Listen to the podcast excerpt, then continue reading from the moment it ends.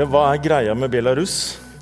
Eh, et land som altså befinner seg geografisk i sentrum av Europa. Eh, men eh, det er vel riktig å si at for de fleste av oss er det flere mentale mil til Minsk enn det er til kanskje Japan, Kina, USA, andre steder i verden. Et land med en eh, diktator med bart og hentesveis som har sittet ved makten i mange år og har noe komisk ved seg, slik mange diktatorer ofte har. Men latteren setter seg fast i halsen når man da tenker på Bjaljatskij og alle eh, de politiske fangene som, som sitter bak, eh, bak fengselsmurer eh, nå.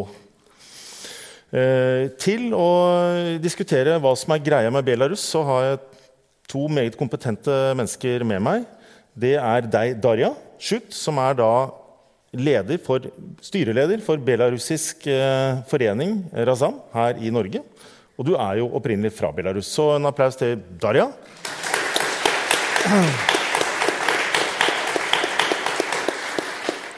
Og deg, Arve Hansen, som da er doktor eh, med bakgrunn i østslaviske studier og tilknyttet den norske Helsingforskomité. Du dekker da, som få vil jeg hevde, i, i Norge både Russland, Ukraina og Belarus. Applaus til Arve.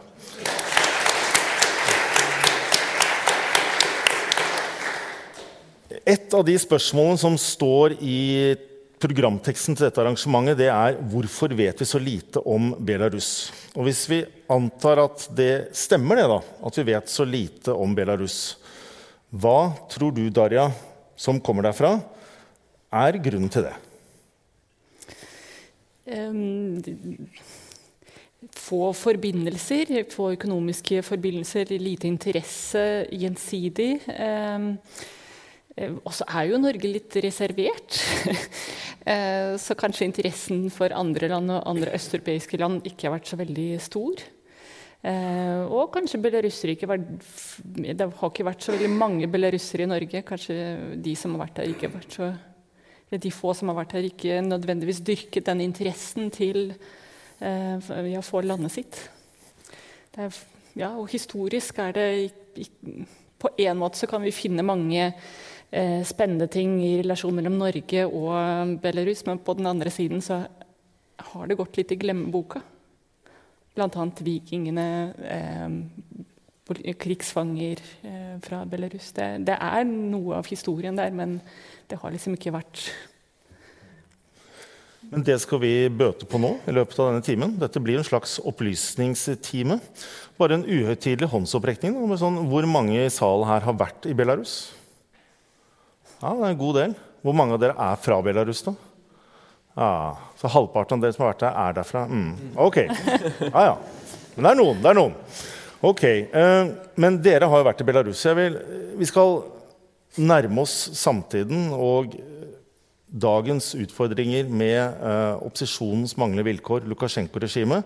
Men vi begynner med å være litt personlig. da. Eh, du har vokst opp i Belarus. Arve, du har bodd i Belarus ved to anledninger.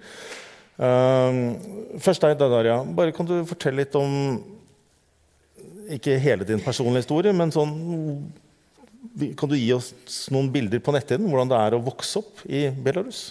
Det sovjetiske, postsovjetiske Belarus. Ja.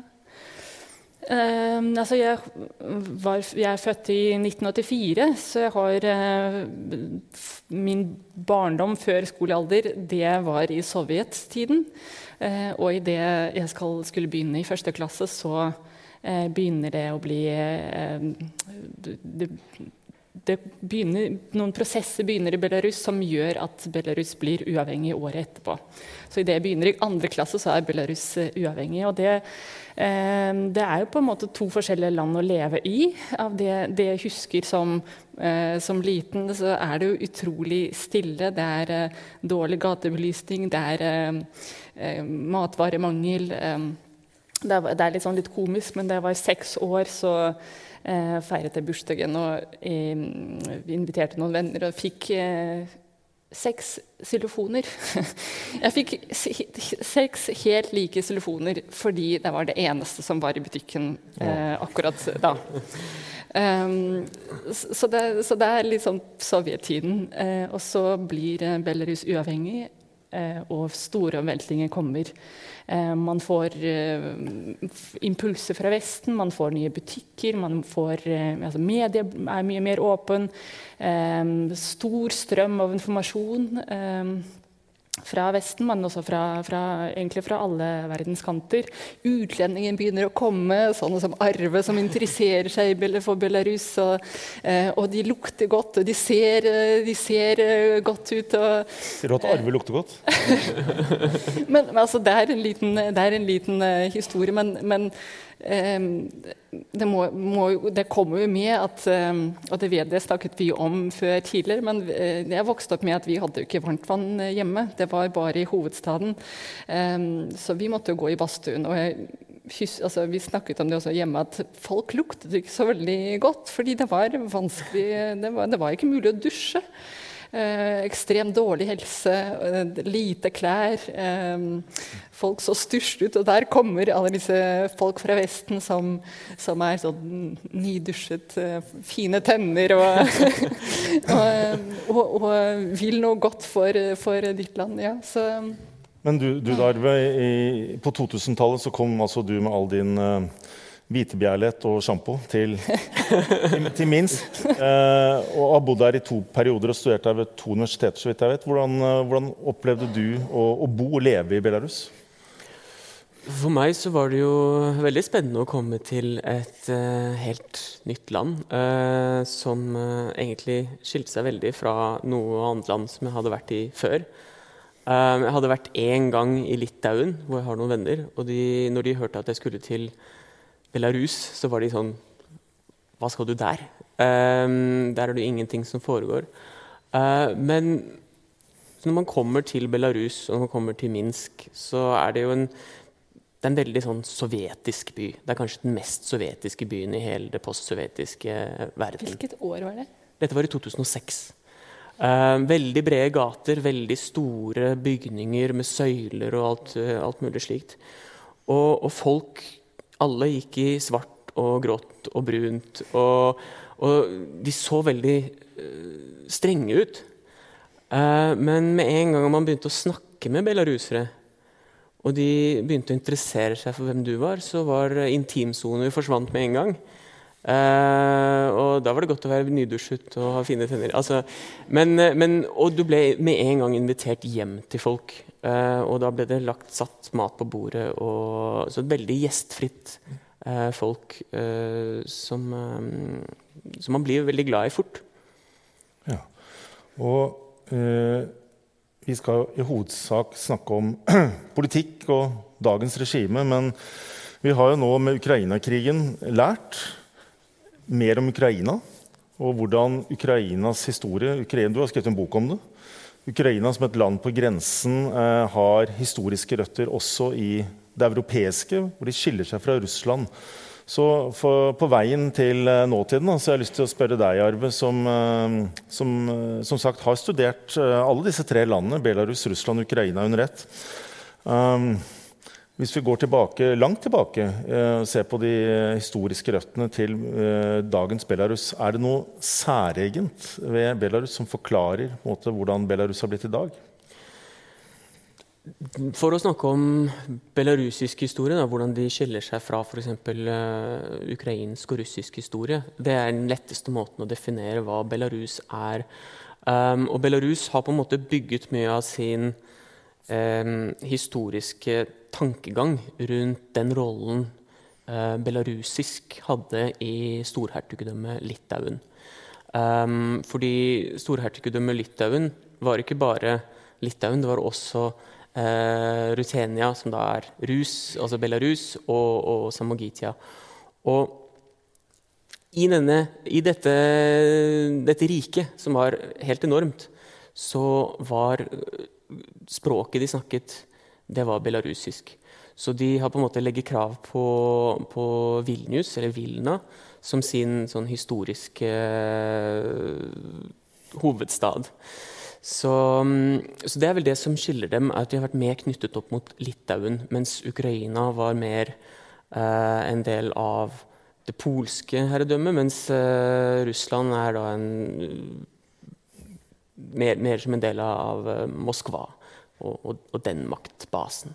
Så det finnes en kobling vestover historisk? Absolutt. Og som uh, Darja uh, så vidt nevnte, det har vært tette bånd mellom eh, middelalder fyrstedømmer i Belarus og norske og, og svenske kongehus. Um, så ja. Men jeg syns det er litt rart, egentlig. Jeg syns det er litt unaturlig at vi tar en grense som vi har i 2022, 2023, og så trekker vi den eh, 1000 år bakover, eller 1500 år bakover, og så vi Prøver man å bevise at hvem som var først når og hvor, og at det fantes en stat da. Det blir litt unaturlig. Jeg mener at Folk flytter på seg, og den egentlig hele ideen om nasjonsstat kom jo mye mye senere. Eh, først etter. Mm, mm. Ja. Men hvis vi da hurtigspoler da, frem til eh, eh, nåtiden, nesten, så skjer jo det som Putin kaller den største geopolitiske katastrofen i det forrige århundret. Eh, Sovjetunionens oppløsning. Og Da vet vi hvordan det går i hans hjemland. Det er Jeltsin som sitter med makten en stund. Og så er det egentlig blitt Putin-regimet etter det. Ukraina så er det en rekke statsledere, og Ukraina forsøker å knytte seg til eh, Vesten. Eh, knytte seg til EU og Nato, i hvert fall. ha visse ønsker om det. Eh, og så er det krig der nå. Eh, I Belarus så kommer Lukasjenko eh, tidlig til makten i 1994. Og det er blitt kalt da, det blir nesten blitt en klisjé å kalle det Europas eh, siste eller eneste diktatur. Hvis dere ser bakover, hvorfor gikk det som det gikk i Belarus? For i, etter Sovjetunionens oppløsning så kunne jo Belarus gått potensielt i mange retninger. Hvorfor gikk det som det gikk? Det er jo ikke én forklaring. Det er en kompleks problemstilling og mange ulike faktorer som spilte inn. Noe av det eh, mener jeg er russifiseringspolitikken som har vært der i eh, nesten flere hundre år. Det startet ikke med Sovjetunionen, det startet med tsar Russland. Eh, så russifisering. Eh, og så har vi jo altså, Mye av vår historie ble, ble rett og slett eh, utslettet fra folks eh, minne. mine foreldre gått på skolen på 60-tallet, og de lærte jo ingenting om det store litauiske riket. Dere sier at det er litt, litt sånn irrelevant eh, den historien to, altså 1000 år tilbake i tid. Det er relevant, det er viktig fordi eh, når du går på skolen og lærer at, er, altså at uh, landet ditt og dets historie startet Eh, med revolusjon, den russiske revolusjonen, så er du jo gitt prisgitt med å se østover. Når du lærer at alt det gode, all kultur har kommet fra, fra Østen. Eh, det var ikke lov for historikere å skrive om det store litauiske riket. Det var ikke lov å om, skrive om eh, katolisismen i Belarus. Det var ikke lov å fremheve eh, måte, den belarusiske adelen, som har jo hatt mye kultur, og det var komponister og teater osv. Men fordi de var imot eh, det russiske imperiet i sin tid, så var, så var ikke det lov å skrive om det på i sovjettiden. Så det har veldig mye å si hvilken, altså, hvilken del av historien vi tar frem.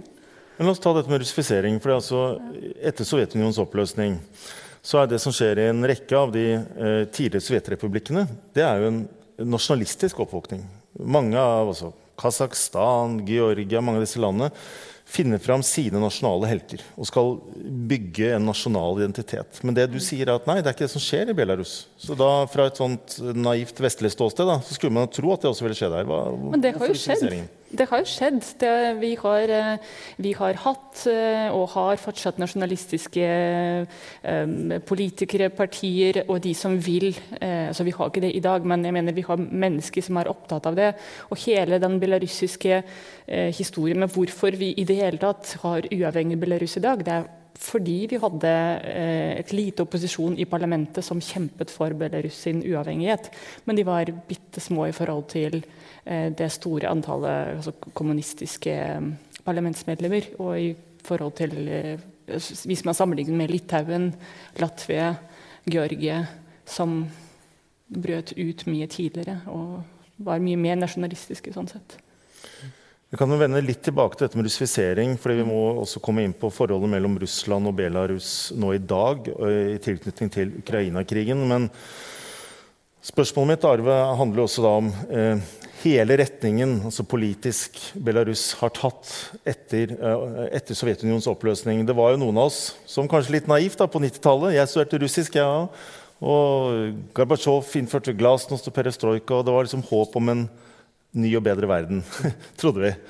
Nå ser det ganske dystert ut. Men i Belarus har det sett dystert ut lenge. Altså, igjen spørsmålet eh, Var det noen strukturelle forhold, eller kulturelle forhold, eh, som gjorde at Belarus har tatt ak akkurat Belarus blant de tidligere eh, sovjetrepublikkene i den vestlige delen av dette tidligere kjemperiket, har tatt den utviklingen de har tatt?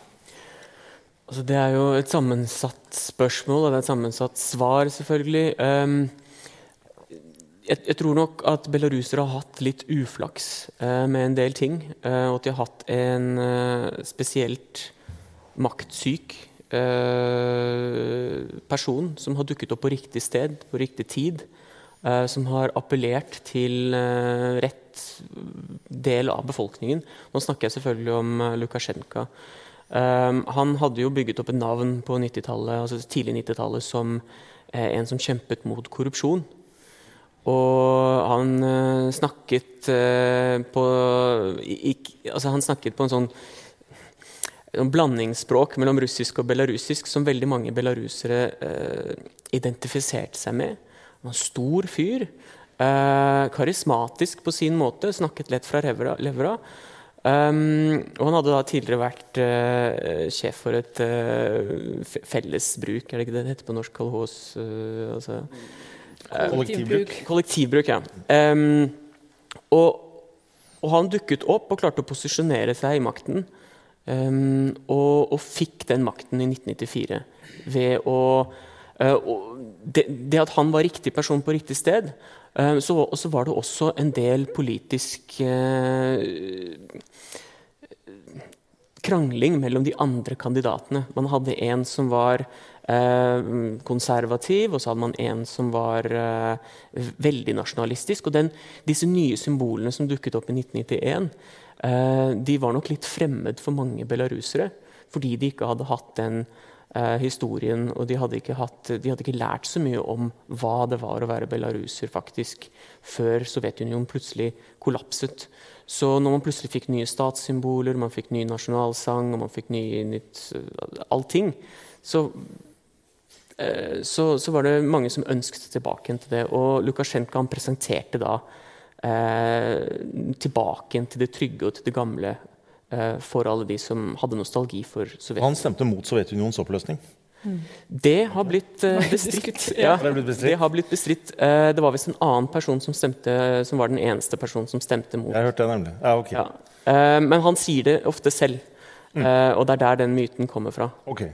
Um, så jeg husker ikke nøyaktig hvor jeg så at det var bestridt, men uh, det er jeg ganske sikker på. at Men La oss ta litt mer om, det, om uh, Lukasjenko. da.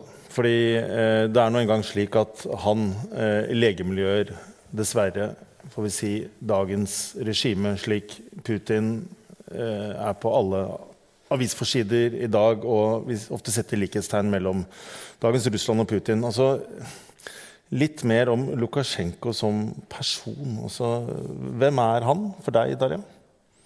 Hm. En mann med hentesveis og bart. Eh, men jeg er jo også en som har vært der i alle år. Han har sittet der i 28, altså siden 1994, så er han 29 mm. år snart. Um, en som uh, vi har utrolig mange vitser om. Utrolig mange uh, sanger, latterliggjørende sanger om Lukasjenko. En som er litt sånn uh, Ja. Men også ekstremt hevngjerrig person. en som man ikke vil tulle med. En som glemmer aldri hvis noen har gjort fornærmet han eller gjort noe han, ja noe vondt. Ehm, ekstremt hevngjerrig. Min far var også i parlamentet i begynnelsen av 90-tallet, i opposisjon. Og um, han fortalte at det var et fotball, um, altså parlamentarisk fotballag hvor parlamentarikere eller folkevalgte spilte fotball. Og Lukasjenko var med. Og dersom han tapte, så løp han og eh, Hva heter det? Spente bein? Spente bein, sånn at motstanderen falt. Eller så løp han inn i garderoben og tok slange med kaldt vann, og da sprutet på Eh, på de som kom inn. Så, så litt sånn Noen personlighetstrekk som ikke er helt uh, Han har blitt tilskrevet å ha en personlighetsforstyrrelse, schizofreni av noe slag, men det, vi kan jo ikke påstå om det er sant eller ikke, men uh. Det er sånn som han diktatoren i Turkmenistan, som alltid vinner disse hesteløpene. Inntil det ble smuglet ut en YouTube-video der han falt av hesten, som absolutt ikke skulle vise for omverdenen, men den kom ut. Men eh, Lukasjenko er en diktator. Men eh, er det noe som kjennetegner han som diktator? Som skiller han ut fra andre diktatorer? Eh, nå kjenner jo ikke så veldig mange andre diktatorer. Personlig? Nei. Eh, men han, jo, han, har jo beholdt denne folkeligheten på én måte. Og han har kanskje i en litt sånn Idet Putin eh, setter seg på en hest og, og rir på en hest i sånn baris, så er Lukasjenko Han poserer med hockeykølle og um, stå på ski og um, hogge ved. Uh, det er litt, eller spiller uh, trekkspill. Det er litt mer sånn hans uh, folkelige, folkeliggjøring. Eller, og, og, jeg tror at han kommer med det helt personlig. For, mens med Putin så tror jeg at det kommer kanskje fra hans PR-rådgiver at det er kanskje en sånn lur ting å gjøre. Jeg tror, det, jeg, det, det ser ikke ut som at det er på en måte Putins personlighet nødvendigvis. Men Lukasjenko gjør det absolutt oppriktig. Han er veldig komfortabel i å sitte der og spille trekkspillet sitt. Men bortsett fra fremtoningen da, og, og maktsyken og alt, har han, liksom, har han, noen ideologi? Arve? Hva, hva, er i så fall, hva går den ut på? Altså, det er jo interessant. Eh, noe av det første han gjorde da han kom til makten, det var å ha et, eh, en folkeavstemning eh, som ikke fulgte noen demokratiske regler for hvordan en folkeavstemning skal foregå. Hvor man besluttet å fjerne alle disse nye symbolene fjerne allting og gikk tilbake igjen til en sovjetisk form for uh, flagg, sovjetisk form for uh, statssymbol. Um, og, og, som uh, i dag tidlig så nevnte Sannikov, som sitter her i salen, han sa det at det som gjør Lukasjenko unik, det er jo at han faktisk altså Alle diktatorer de representerer på en måte sine egne land på en eller annen måte. Eh, mens Lukasjenko han fornekter at det finnes noe, noe belarusisk. Eh, han fornekter at det finnes en belarusisk identitet, eh, og Belarus er på en måte en del av et større Russland. Uh, og det gjør han Det er veldig spesielt. Ja, ja jeg er liksom helt enig med, i det du sier. altså Bare en liten replikk og en referanse til det vi snakket om tidligere om russifisering. For Lukasjenko ble spurt tidlig i sin karriere om hvorfor han ikke vil bruke rus, uh, belarusisk. Eh, og svaret hans var da at eh, han mener det er litt lite utviklet språk. At det er et språk som ikke egner seg for å uttrykke seg eh, uttrykke måte store tanker, eller, og, og ikke er tilpasset akademiet. Som er jo absolutt feil. Vi har jo massevis av Eh, fagbøker skrevet på belarusisk og helt siden 30-tallet. Men det er i hans eh, Han er jo en mann fra i sin tid som er vokst opp i Sovjetunionen, og da har den tanken om at belarusisk er bare noe Men en rekke av de som sitter ved makten, eller har sittet ved makten i tidligere sovjetrepublikker, har jo også en politisk fortid i, i Sovjetunionen, men, men, snudde raskt om og fant disse nasjonale symbolene og, og omfavnet dem. Uh, og du sier Arve at det som da er unikt for Lukasjenko, det er det dere er inne på. Han, han, han er nesten mer russlandstro enn en belarusisk tro. Så det, hvorfor, hvorfor, det, da? Er det fordi han er i lomma på Putin, eller tror han på dette selv? Det er litt sånn å gå inn i hodet på en, uh, en person som man ikke kan snakke med, uh, og som, man, som antageligvis sliter med noe. det er helt sikkert. Det, det, er litt vanskelig, men, men ehm, jeg, jeg, tror at Han er jo en populist. Eh, og jeg tror det var der han så at vinden blåste da det var valg i 1994. Og han har bare gått helt inn for den rollen. Um, et, et, men, men, det blir veldig sånn spekulativt for meg å si hvorfor han Altså hva slags personlige eh, begrunnelse altså, eller rettferdiggjøring han har. Uh, men altså, han, han, er jo Jeg vet ikke om du har sett det, men i det store biblioteket som, altså, Han har bygd sånn stort Han er jo stormannsgal. Han har bygd, i 2003 eller noe sånt nå, et stort diamantformet bibliotek. Uh, og inni der så er det en stor sånn, uh, sånn maleri. Og der er det forskjellige skikkelser fra Belarus. Og, og der er da Francis Skarini, som er en av liksom, de store litterære skikkelsene fra eh, gammel belarusisk historie. Og han ser helt lik ut som uh, Han er malt helt lik som Men det har han valgt, vært i alle år. Så siden jeg var barn, så på, altså Bildet av Skarina det var alltid en mann med bart. Okay. Hentesveisen fikk vi ikke se før at han hadde på lue på det bildet. Men, uh, ja. Har, har du vært i Kasakhstan? Uh, nei. Det er ingenting med Belarus å gjøre, men det har litt å, likevel å gjøre med disse diktatorene. Da. Der kan man ta heisen opp i et tårn i hovedstaden som nå bærer navnet til eh, tidligere presidenten Nursultan Nazarbayev. Og så kan man legge hånden sin oppi en gullklump i håndavtrykket til Nazarbayev i den gullklumpen. Og det man berører den, så utløser det noen sensorer som setter i gang nasjonalsangen i Kasakhstan, som kommer ut av noen høyttalere, og som han selv skal ha skrevet teksten til. Så drar man enda lenger øst, til Sovjetunionen, så er det, for ikke snakke om Turkmenistan, da er det jo en grandios persondyrking. Mm. Men eh, vi må forlate han Lukasjenko litt og snakke om eh, alle menneskene som lever i, i, i regimet hans. Um, men, men, men, helt på tampen da, ja, Du nevnte at dere hadde så mange vitser om han. Har du, har du en? Kan jeg komme tilbake til det? Jeg må liksom Må tenke deg om, ja. Vi kan se om det blir en dessert. Ja.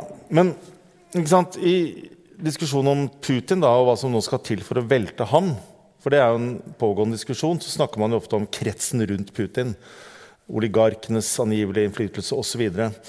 Kan dere si noe om hvordan situasjonen tilsvarende er der i Belarus? Altså, Lukasjenko må ha en maktbase. Er han absolutt enehersker, eller er det en krets med mennesker som kan påvirke ham, og som potensielt kan eh, endre eh, maktbalansen, eller makten, da, i Belarus. Hva tenker dere?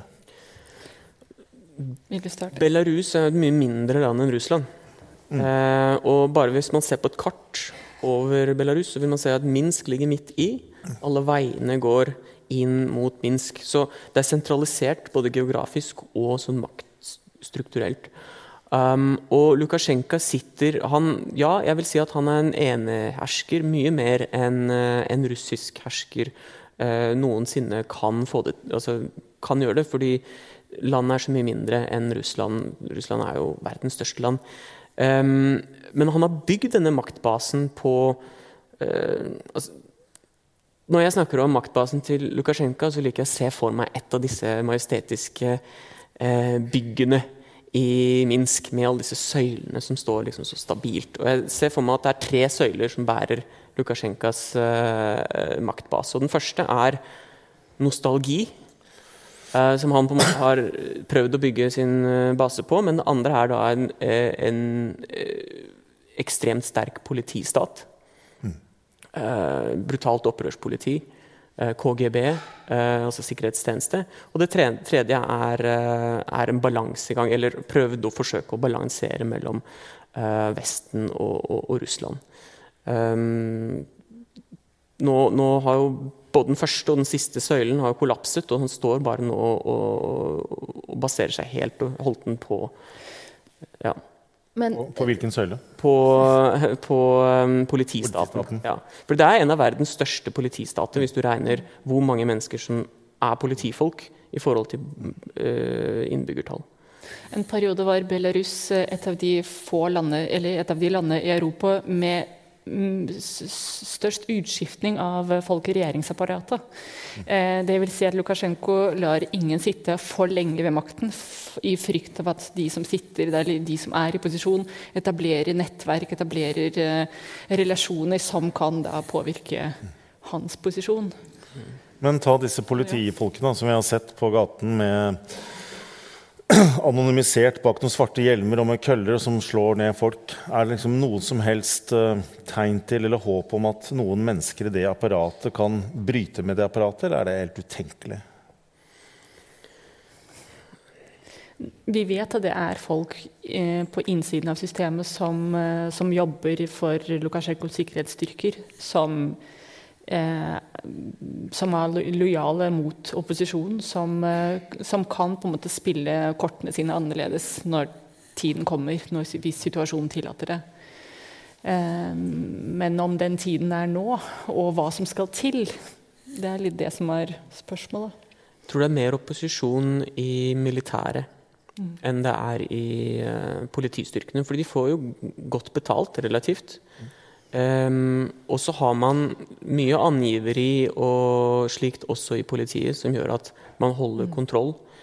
Um, man har egne spesielle uh, grupperinger uh, som, som Lukasjenko bruker hvis han ønsker at noen skal forsvinne. Uh, som jo har skjedd med jevne mellomrom, spesielt på 90-tallet, men, men også nå. Så det er et veldig undertrykkende system, og det skal veldig mye til eh, som en av de anonymiserte politifolkene å si at nei, nå skal jeg redde Belarus. Eh, det skal mye til. Vi snakker om ganske mange mennesker. altså Det er politi, det er sikkerhetsstyrker. Og hvis vi da regner med deres familier og kanskje venner, så begynner det å bli en nokså betydelig prosentdel av landets befolkning. Mm. Eh, men så husker vi likevel, da, og det er vel noe av bakteppet for hvorfor vi er her i dag, eh, protestene i 2020, august 2020 med bilder. Da plutselig begynte vi å få vite litt om Belarus der, ja. Eh, da var det både på TV-nyheter og aviser om eh, mennesker som marsjerte i, i gatene under eh, hvite og røde faner. Og, og liksom det så ut til at nå kunne det kanskje bli en regimeendring. Men det er jo bare én av flere eh, opptøyer i hele den postsovjetiske perioden. Kan ikke du, Arve, dra oss gjennom det? Fordi eh, eh, det har vært en opposisjon fra starten av i Belarus. Hva har på en måte kjennetegnet eller vært den røde tråden av disse protestene mot Lukasjenko-regimet? De virkelig store protestene begynte bare året etter at Lukasjenko kom til makten. Altså 95-96, når det var to sånne folkeavstemninger. Så gikk folk i, da, da, hadde Belarus fremdeles en parlamentarisk opposisjon eh, som organiserte protester, og de organiserte sultestreik i parlamentet. De organiserte eh, en eh, impeachment eh, Riksrett, altså Eller ja, mot, eh, mot eh, De ønsket å få ham avsatt. Og, og, Lukasjenko brukte da disse brutale midlene sine til å slå ned, og flere av disse lederne bare forsvant. Eh, og har, etter hvert så har vi funnet bevis på at flere av disse ble drept av sånne spesialstyrker. Eh, siden da så har Lukasjenko hele tiden, gang, spesielt rundt presidentvalg, der da opposisjonen skjønner at dette er et sånt tegn, nå kan vi gå, er, da er hele Belarus klar til å, eller store deler av Belarus klare til å uh, demonstrere. Og da har de stått klare til å hugge huene av alle som stikker seg opp av folkemengdene, altså presidentkandidater og andre opposisjonsledere, streikeledere. Uh, og det har de gjort. Uh, dette regimet har gjort det ganske vellykket. Uh, men allikevel så har det vært store protester. I 2006. det var det i 2010. Um, og i 2017 var det også veldig store protester. Det var en annen grunn. Det var når man Eh, Lukasjenko, for å svare på noen økonomiske problemer, så innførte de en skatt på folk som ikke hadde jobb. Eh, og det førte til eh, veldig mye raseri i, i, Belarus. Og det er første gang man faktisk så at protester ikke lenger var kun i store byer som Minsk og Homel og, og BRST og slike ting, men, men at det faktisk var også i landsbyer Eh, og mindre, mindre, regionale tettsteder.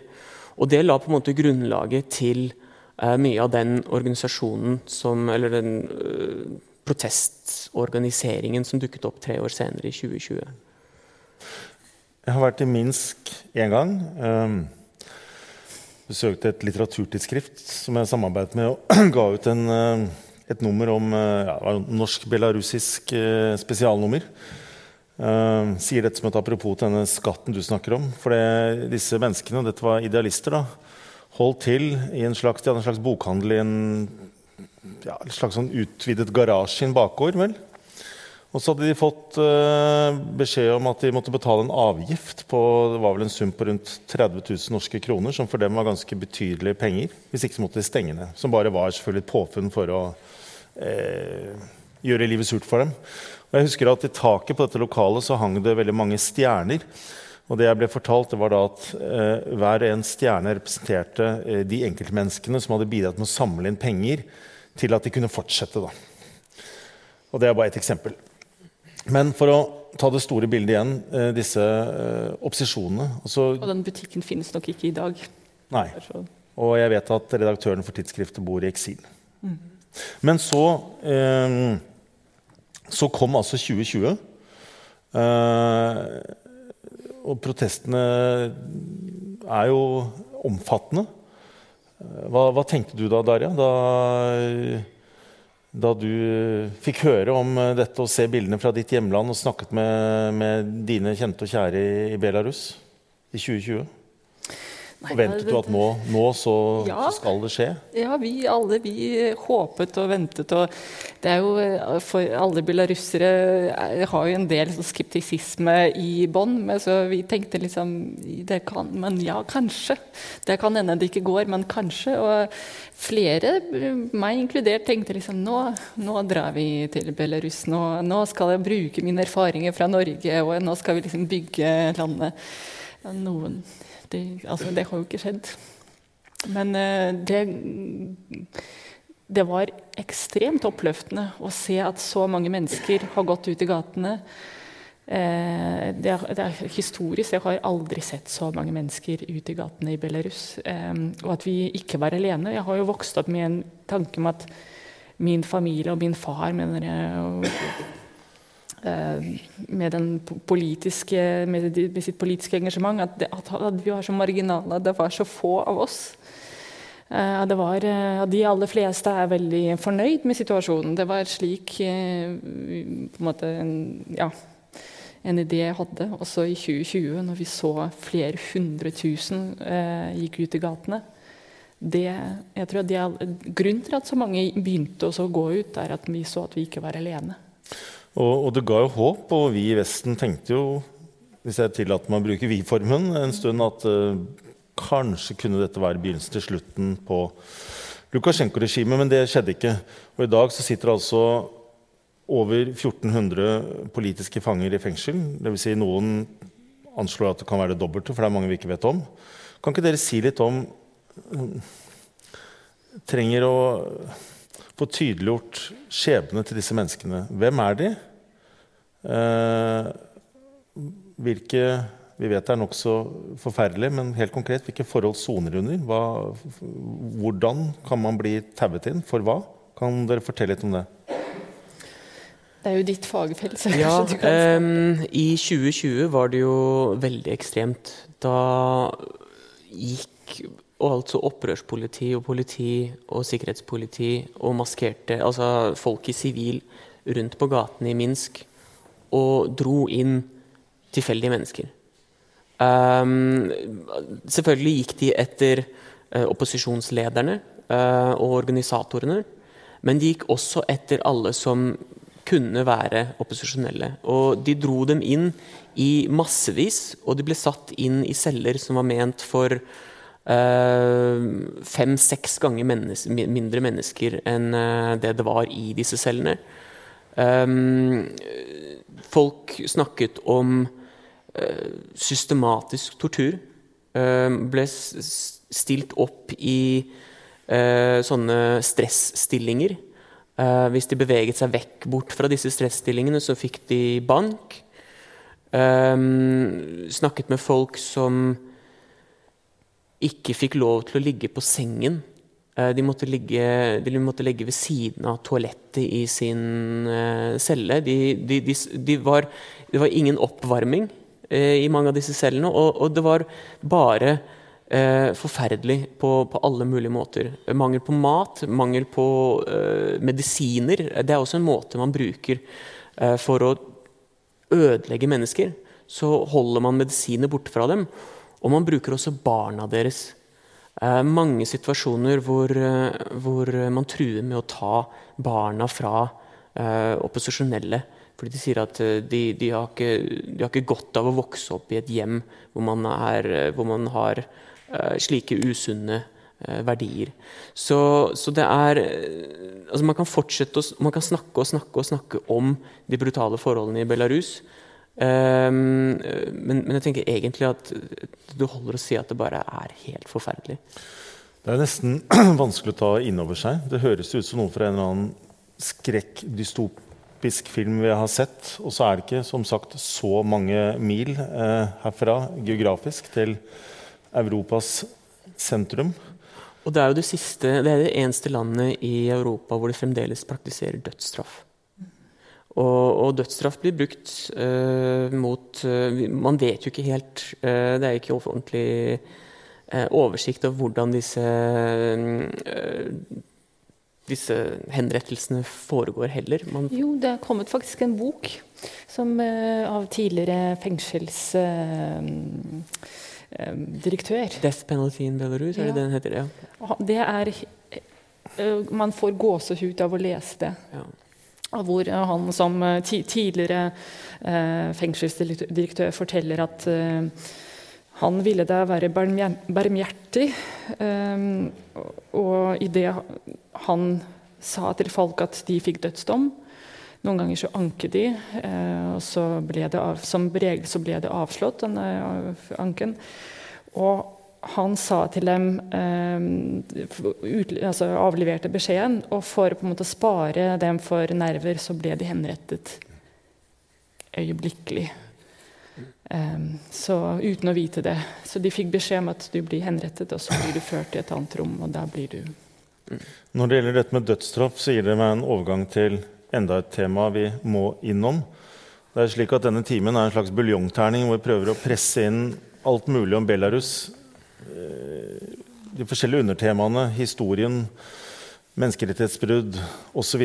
kunne fortjent separate timer, men vi skal liksom dekke det hele. Og det står da i programteksten til arrangementet hvilken rolle spiller Belarus i, i, i Ukraina-krigen. Og det var jo slik at eh, etter krigsutbruddet så har jo Russland hatt interesse av å komme til Ukraina via Belarus. Og da var det jo også folk i Belarus som eh, saboterte bl.a. jernbanelinjer. Eh, og etter det kom det vel en slags eh, terrorparagraf i Belarus mm. om at det kunne innebære dødsstraff. Så siden Nobels fredssenter vil at vi skal diskutere hvilken rolle Belarus spiller i Ukraina-krigen, så må jeg stille deg det spørsmålet. Mm. For det nå har jo det som har skjedd, er jo paradoksalt nok at etter eh, opptøyene i 2020 så har jo Belarus kommet noe i skyggen. Eh, forståelig nok, fordi det som skjer i Ukraina, også er så fatalt og viktig og grusomt. Jeg vet ikke hvilke ord jeg skal bruke. Men, men de er knyttet sammen, disse tre landene. Så si litt om det. Hva er på en måte hva er Belarus' rolle i krigen? Ja, um, Rent geografisk, hvis du ser på hvor Belarus ligger i forhold til Ukraina, så har de jo en grense på over 1000 km i nord.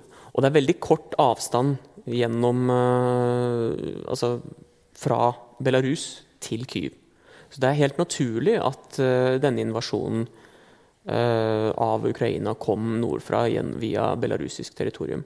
Og så vet vi også at russerne har brukt belarusiske flyplasser til å skyte raketter. Eh, de bruker det til å overvåke ukrainsk luftrom. Det gjør de fra eh, Belarus. Og, de har brukt belarusiske sykehus til å lappe sammen eh, russiske soldater som har blitt skadet i krigen. Belarus forsyner også russerne med noe av det materiellet som de begynner å gå tom for i, i, i krigen. men så, Det er den ene siden. Det er hva Minsk gjør, eller Lukasjenko har tillatt. Um, men så har man også mange belarusere Du nevnte jo det med disse togavsporingene. og Man har en uh, partisanvirksomhet uh, i Belarus som var veldig kraftig i februar og mars uh, i, i, fjor. Eh, men så har man også hundrevis av belarusere. Eh, mange av dem hadde allerede altså, som, som, nå slåss for Ukraina i, uh, i, Donbass og flere andre steder. Og mange hadde jo flyktet fra Belarus nettopp til Ukraina. Noen hadde flyktet til, uh, til Litauen og til Polen. Og de så, og de ser fremdeles på Russland som en felles fiende. Og de vet at hvis Russland kollapser, hvis de klarer å dytte Hvis de klarer å være med på å stoppe russerne i Ukraina, så vet de at det vil kunne føre til eh, et slutt på Putin-regimet. Og Putin-regimet er på en måte garantisten til Lukasjenko. Og det har han vært eh, siden 2020. For det er jo det avgjørende her, denne relasjonen mellom Putin og Lukasjenko, Russland og Belarus. Altså, si litt om dette skal vi kalle det et slags gjensidig avhengighetsforhold. Det er ikke tvil om hvem som er den dominerende i forholdet. Men Putin trenger da også Belarus på, på visse måter, Darja. Hvordan kan du beskrive det, det forholdet mellom de to uh, landene nå? Så Putin er jo en imperialist som drømmer om å gjen, gjenopprette det russiske imperiet. Og da, blir, da er Belarus eh, i hans øyne en veldig viktig del av det Eller ikke veldig men det er en del av det imperiet. Um, så, ja. Vi, vi, er ikke eget nasjon. Vi er, eh, vi er ikke et eget land. Det, det er slik det er for Putin. Um, men i forholdet til Lukasjenko altså, Putin og Lukasjenko de er veldig forskjellige. Uh, i det Putin er fra, han er fra St. Petersburg, vel, velutdannet, uh, bodd mye altså bodde Tyskland. Uh, litt mer, En hakk mer raffinert enn den bondeknøllen, kan man si. altså Lukasjenko. Så de er veldig ulike. Og det er, det er helt åpenbart at det er ingen sympati mellom disse to personene. Eh, men eh, eh, det er et uttrykk, uttrykk som ble brukt av en amerikansk president overfor en av de søramerikanske republikkene om He's a bastard, but he's our bastard. Mm.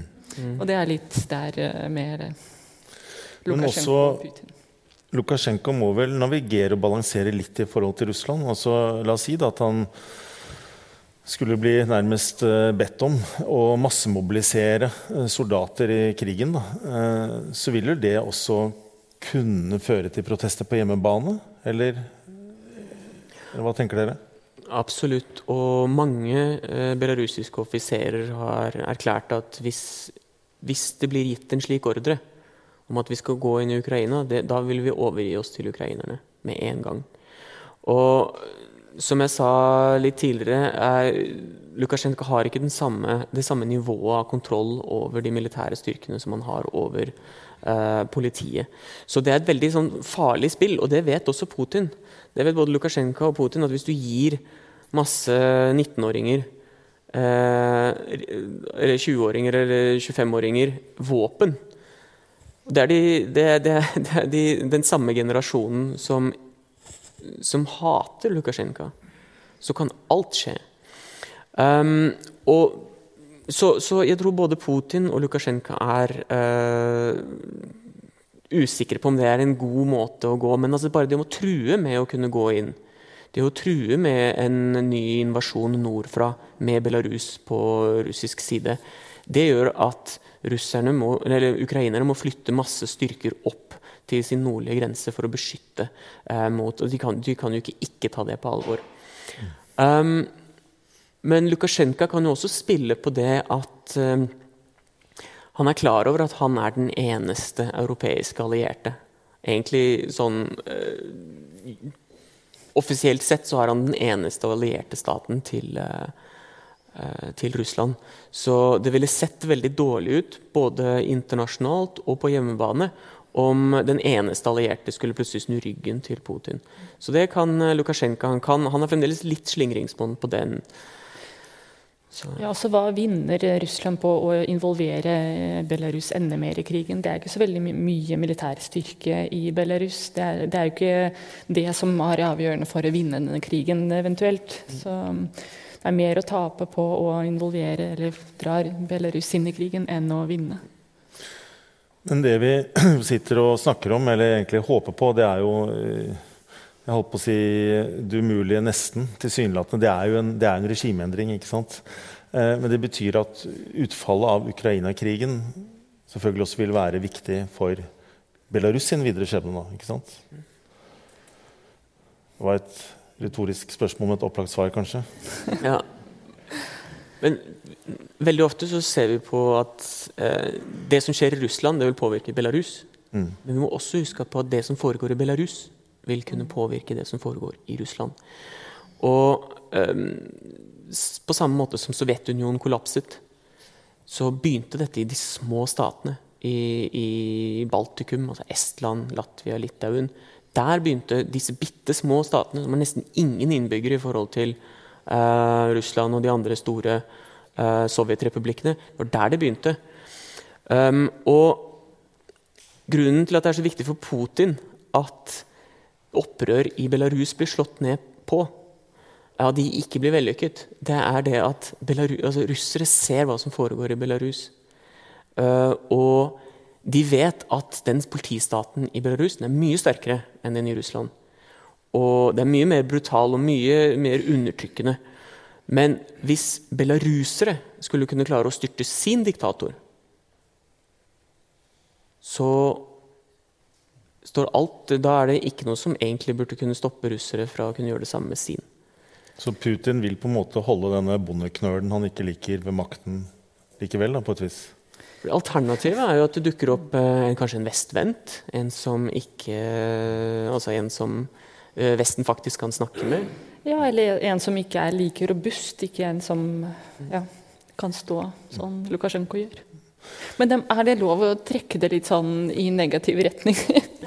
som, som, ja, for jeg sa jo at vi er litt, sånn litt pessimister òg. Mm. Um, for at veldig mange av belarusere som var aktive i 2020, som, um, som hadde viljen, som hadde forståelsen og som hadde mulighet til å kanskje påvirke situasjonen, de som gikk ut i gatene, uh, de aller, aller fleste har jo forlat, forlot Belarus. Ehm, det er massevis av belarusere nå i Georgia, i Polen, i Litauen. I tillegg til at de aller fremste eh, personene sitter i fengselet i Belarus. Så har vi folk til å lede, har vi folk til å, til å gå på barrikadene? Det vet, det vet man ikke. Vi skal begynne å runde av denne samtalen. fordi Klokken nærmer seg en time. Men siden det er Nobels fredssenter som er arrangør, og siden Nobels fredspris nå nokså nylig da, gikk også til Alice Bialyatsky fra Belarus, så burde vi spandere bitte litt tid på ham. da. Vi liker å tro i Norge at nobelprisen er viktig og har sender en viss internasjonal, har en internasjonal signaleffekt. Eh, har den forandret noe som helst, tenker dere? For Bialyatsky selv og for muligheten for endring i Belarus? Han, altså, det er et, en ekstrem god anerkjennelse av Valerij Spilatskij. Det setter jo fokuset på det som er viktig for eh, den vestlige verden, som mange belarusere har lyst til å være en del av. Men vi så jo hvordan det gikk, og hvilken eh, straff Belatskij Belatsky har fått rett etter han fikk prisen. Så men, men jeg hadde jo muligheten til å faktisk snakke med kona hans som var her og tok imot prisen på vegne av ham. Mm.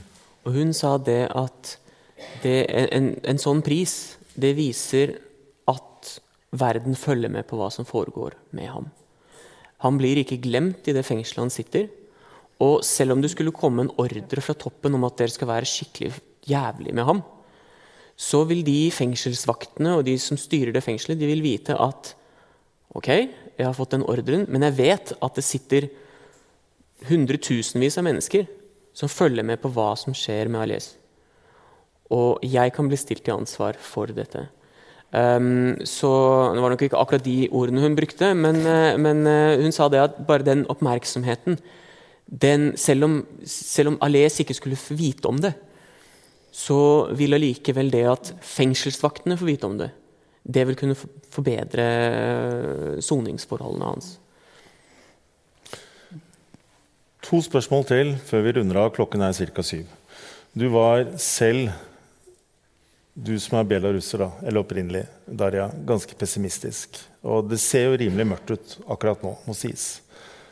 Og likevel så forblir jo spørsmålet hva skal til for regimeendring? Er det noe som helst tegn til håp? Er det noen som helst hull i dette systemet dere ser, hvor det skinner et lys igjennom? Ja, alltid. Eh, for at uansett hvor mange Du jobber jo med dette selv, fra Norge. Ja, men uansett hvor mange hoder han klarer å kappe av, så vokser det nye generasjoner. Og det, vil, eh, det er alltid de unge menneskene som, som forstår hva som er riktig og hva som er galt, og som stiller spørsmål. Um, vi vet at, at, Belarus kommer til å bli fri og demokratisk en dag, men vi, vi vet ikke hvor lang tid det kommer til å ta. Men uh, alle de som er fortsatt i Belarus, som jeg har kontakt med, som sier ikke et pip om hva de mener om uh, Lukasjenko om situasjonen i landet. Så i det stille så vet jeg at det er på, på, på, på den riktige siden. Og det er der håpet er. Så ja.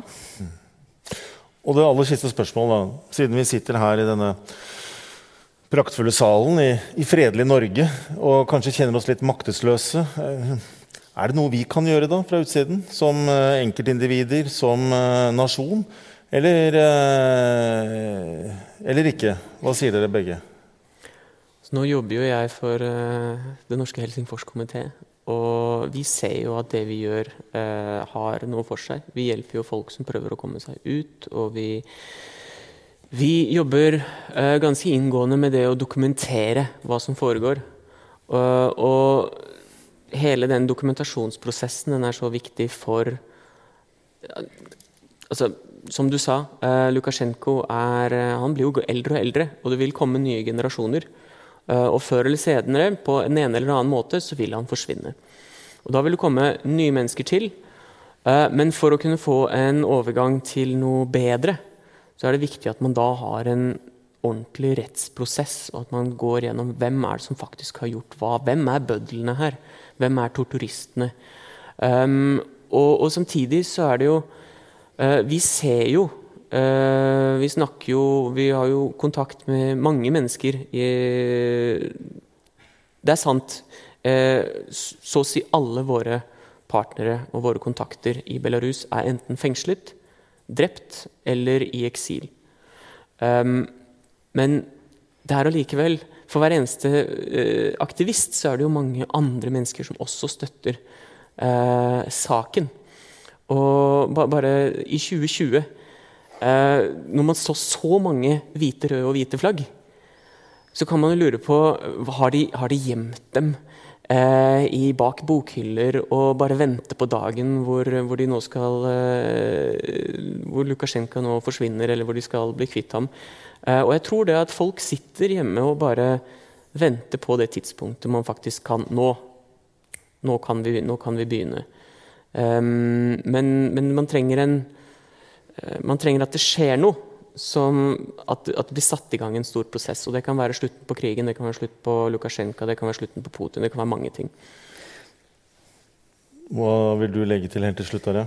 Eh, om hva, hva, Norge og hva Vesten kan gjøre. Jeg tenker at eh, Belarus og de kreftene som har vært der på 90-tallet, de, som de som kjempet for at Belarus skulle bli uavhengig og liksom rive seg løs fra det russiske imperiet, det var de som var veldig bevisste hvor de kom fra og hva Belarus er. Eh, språk, identitet, kultur. Det er ekstremt viktig. Og, altså, belarusisk språk eh, er på Unescos liste over språk som er i ferd med å forsvinne. Eh, det er viktig å redde språket, det er viktig å oversette belarusiske forfattere, gjøre dem kjent i utlandet og styrke den belarusiske kulturen. For jeg tenker at det er enn så lenge mulig å styrke den, hjelpe til utviklingen av den belarusiske kulturen, og det er det som gir eh, det er på en måte den uh, subtile ideologien som gir mennesker håp og, og, og, forståelse for hvorfor de skal fortsette denne, denne kampen. Det er den erkjennelsen med at jeg er belarusser, og jeg snakker belarusisk språk. Det er mitt kultur. Jeg er bærer av det, og jeg vil at det skal overleve. Jeg kan nevne en passant at på Høvikodden nå så er det da en utstilling med malerien til Marc Chagall. En maler mange kanskje betrakter som franskmann, men han ble altså født i Vitebsk i Belarus. Og når jeg først husker det, 4. 4. april tror jeg, på Blå så kommer Alher Bakharevitsj og Julia Tsimafeva. Det er de to redaktørene for dette tidsskriftet jeg samarbeidet med, de med stjerne i taket. To flotte forfattere fra Belarus kommer til et litt annet lokal enn dette, nemlig Blå. Også verdt å, å komme og høre på. Nå er Min indre biologiske klokke 1903 det er det samme som den klokken på skjermen der. Og vi gikk på nøyaktig 1803, så nå har vi egentlig holdt oss til timen. Eh, med mindre du har lyst til å komme med en Lukasjenko-vits på slutten, Darja? det, det, jeg, altså, jeg kommer ikke på noe vits akkurat nå. Så det, det, da har jeg liksom en vits til gode. Ja. Og en sang. Ja. Men da vil jeg takke eh, Darja Schutt eh, og Arve Hansen eh, og Nobels fredssenter som har tatt initiativ til denne samtalen, og dere som har kommet og hørt på. Tusen takk til dere.